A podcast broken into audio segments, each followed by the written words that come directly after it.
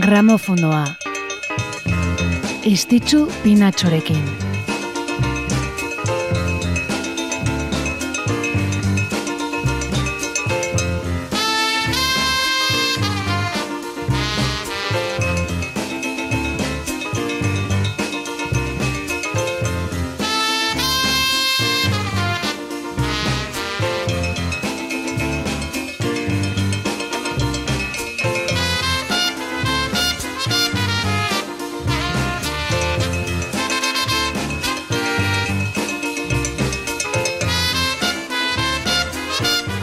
Aste arraro honen erdian, aletu da gramofonoa gabon, batzuk beste eguna izan entzen duten atzo, bihar ere bai, bertze batzuk zubiren bat akaso, bakarren batek aste osoa libre suertekoa zu, eta bertze batzuk bat erez.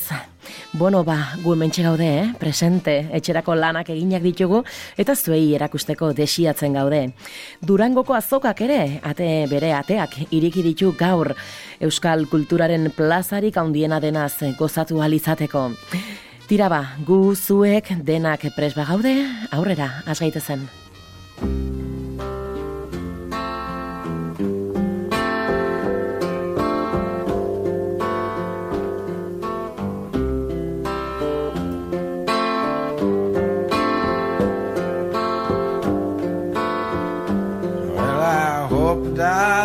fall in love with you.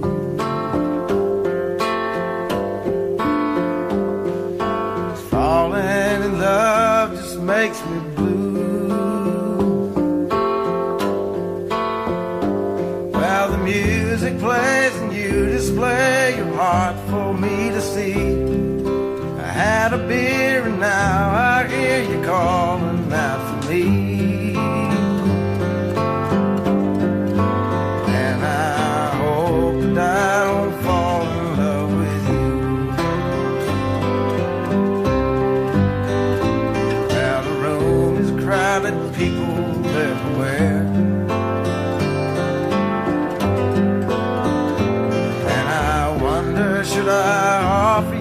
share.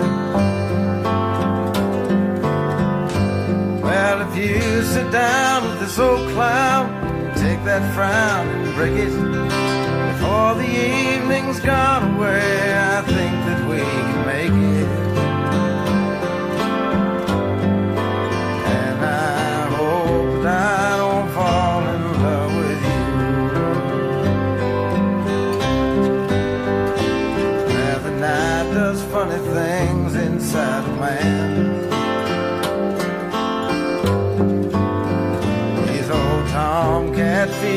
You don't understand.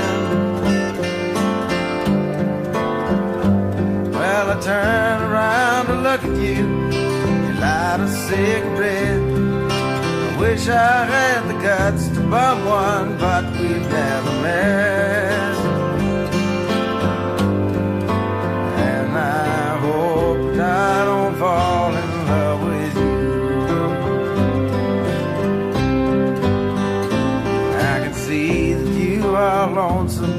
Mila bederatzeron da berrogeita bedetziko abenduaren zazpian jaiozen Tom Waits, Kalifornian. Espektro agitz zabaleko rock kantautorea blues, jazz eta soularekin uztartu izan duena. Bere ahots urratua zoragarria da. Azken hiru hamarkadetako sortzaile garrantzitsunetako bat, Tom Waits. Mila bederatzeron da irurogeita amairuan hasi zen grabatzen, garai klasikoko Beat Generation eta jasarekin liluratuta zegoenean. Hortik eta azken amarkadetan e, sailkatzen erreixa ezten e, soinu bat erantze evoluzionatu du, e, rokean oinarritua bino, nolabaiteko espresionismo musikala garatzeko aukera ematen diona. Rokaren pertsonaiarik eh, opakoenetako bat da Tom Waits eh, fokoetatik eta komunikabidetatik urrun beti. Agitze zaila omen da kazetariren batek edo elkarrizketaren bat lortzea berekin. Eta bueno, erran beharra dago, musika arloan ibilbide emankor eta bikaina izateaz gain Tom Waits eh, zineman ere ibili izan dela, no izan behin. Normalean eh, ekoizpen independenteetan papertxoren bat egiten. Ba, begira, saioa Tom Waitzekin ireki dugu bere urte betetze eguna telako gaur, irurogeita mair urte.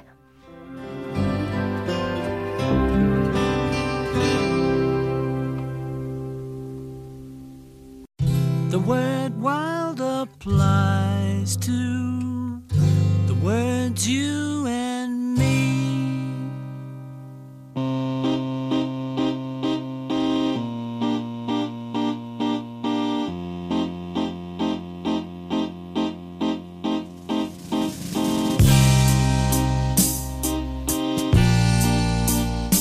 Guazen bertze efemeride batekin, mila bederatziron da irurokeita amekan Wild Life argitaratu zen, The Wings taldearen lendabiziko LPA. The Wings, Paul McCartney buru zuen taldea.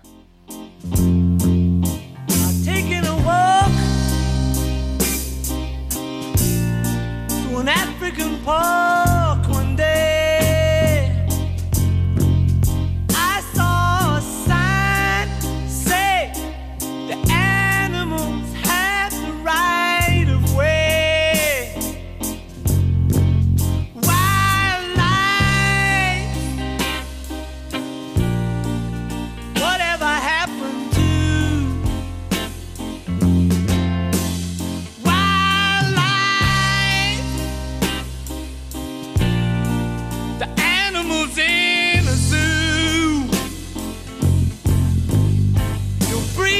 hot. A lot of political nonsense in the air. You're making it hard for the people who live in there. You're moving so fast, but baby, you know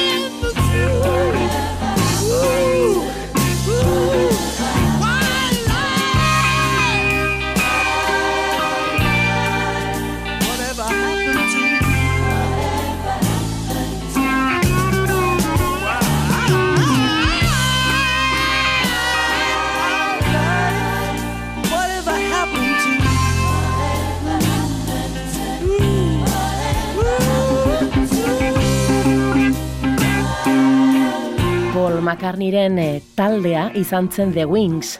Bino, bueno, egia erran e, taldia bai, bino bere proiekturik pertsonalena izan da. Bertze musikari batzuekin elkarlanean egindakoa. Lan e, liluragarria hause, Wildlife. Eta aditzen dugun kantu hau, diskoari izenburua ematen diona.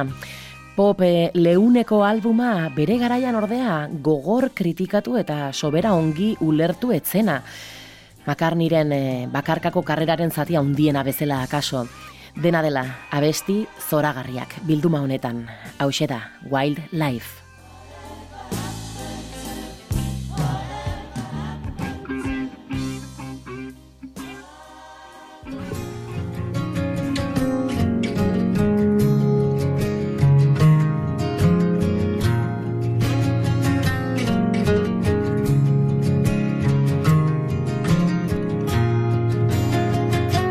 Eta bertze musikari baten eguna da gaur, ahotxe eztiko kantautore honena, Irlandatik, indie rock eta folk ikutuarekin, bera da, Damien Rice.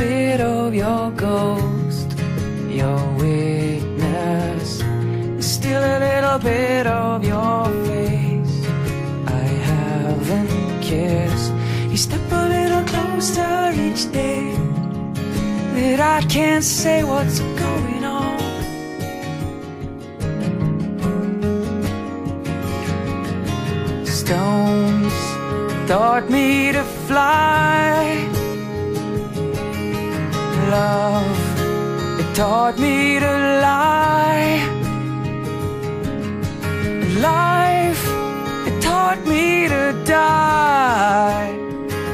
So it's not hard to fall when you float like a cannon.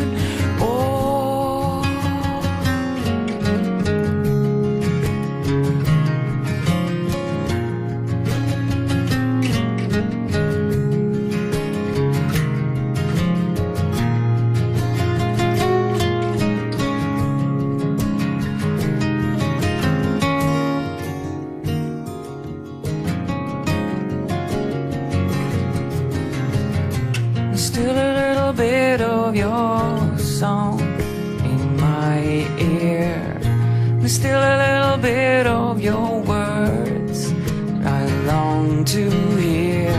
You step a little closer to me, so close that I can't see what's going on.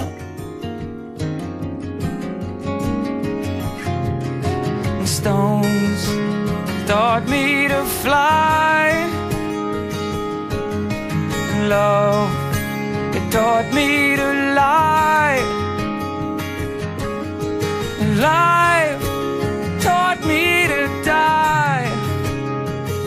So it's not hard to fall when you float like a cannon. Stones taught me to fly. Love taught me to cry. So come on, courage, teach me be shy. Cause it's not hard to fall. And I don't wanna scare her. It's not hard to fall. And I don't wanna lose. It's not hard to grow. When you know that you just don't know.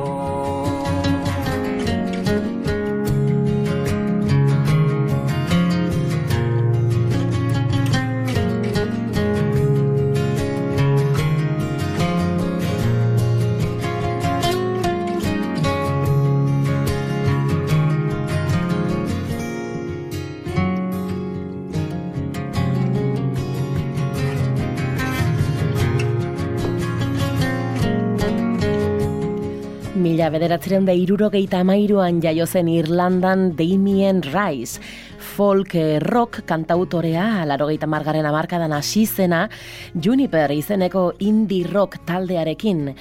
Pino euren lendabiziko lana grabatzen ari zirela Raisi ez zitzaion gehiegi gustatu eramaten zitun disko, diskografikaren eh, presioaren ondorioz diskoak eh, hartutako norabide komertziala eta taldea ustea erabakizun bakarka hasi zen eta bere lengusua den eta zinemarako konposatzen aritzen den David Arnold musikagileari esker, 2002an Raisek ou diskoa grabatu al izantzun bere bakarkako lendabizikoa eta honekin hainbat sari irabazi zitun.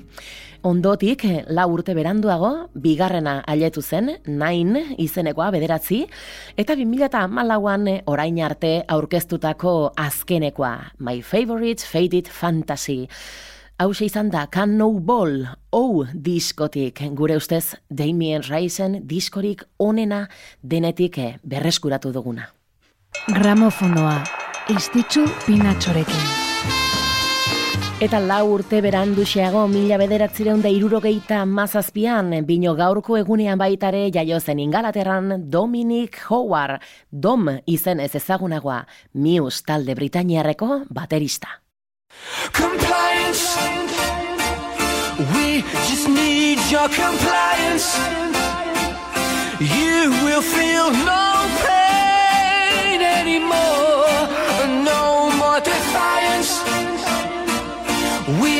need your compliance.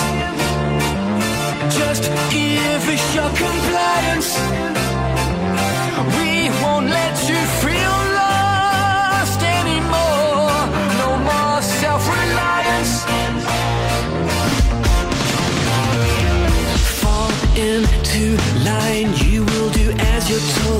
No choice, fatigue, your blood is running cold. We lose control, the world will fall apart. Love of your life will mend your broken heart. Life lived in fear, you need protection. You're all alone, too much rejection. We have what you need, just reach out and touch. We can save you. We just need your compliance. We just need your compliance.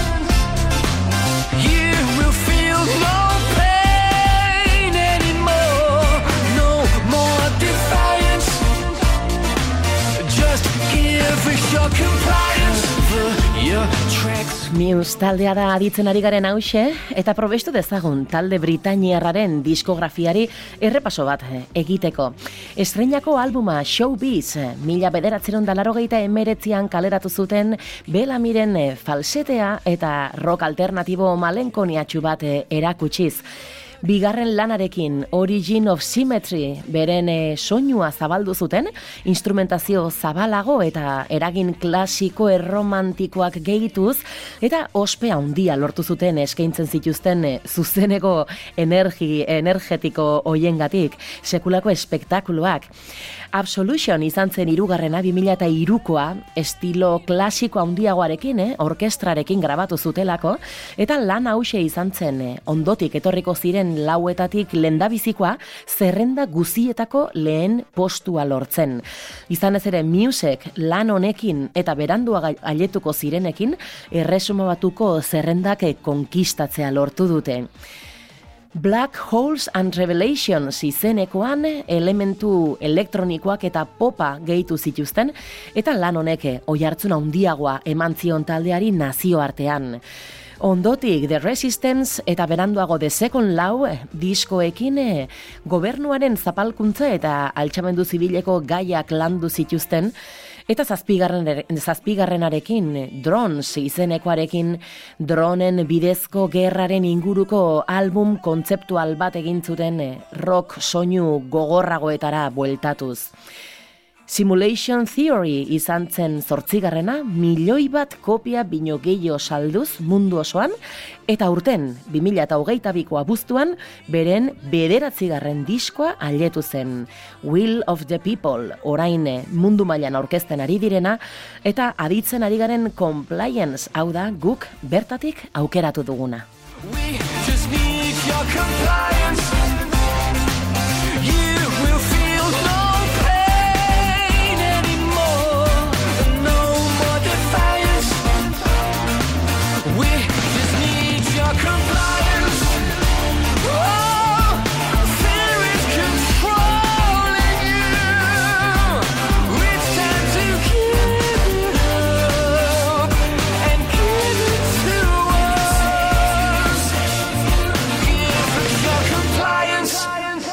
News taldearen diskografiari errepasoa egin diogu beren bateri jolea den Dominic Howard zoriontzeko, berrogeita bortzurte gaur.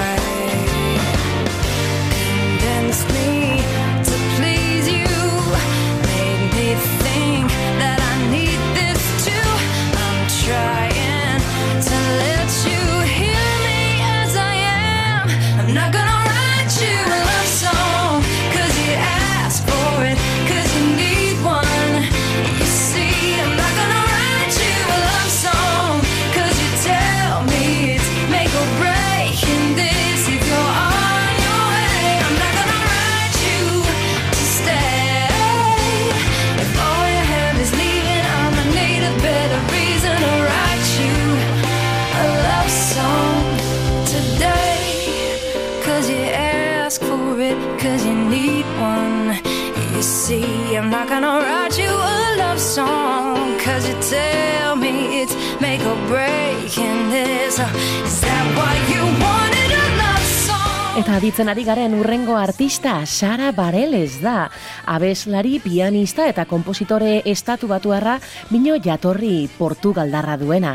2008an nazioartean ezagutzera emantzun bere burua atzean aditzen dugun Love Song izeneko arrakasta honi esker. Eta bi urte beranduago 2008an bere irugarrena zen diskoa kaleratu zun, Kaleidoscope Heart izenekoa. Eta honen atzetik bertzen lau ere etorri ziren. Sara Bareles milioi bat disko bino gehiago saldu ditu estatu batuetan eta hiru aldiz izan da izendatua Grammy sarietarako. Zorion du dezagun beraz, Sara Bareles bere perrogeita irugarren urtebetetze honetan.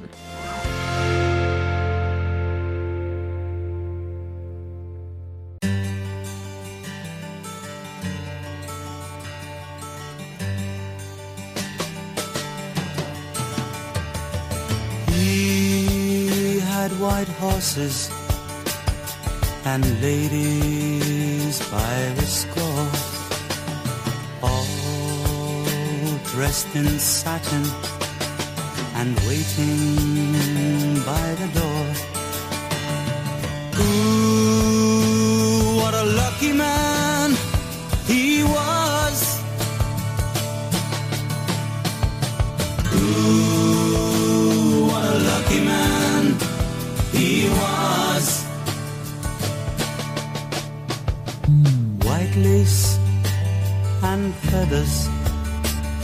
They made up his bed.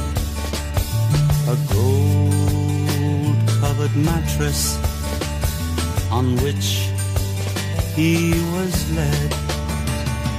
Ooh, what a lucky man he was.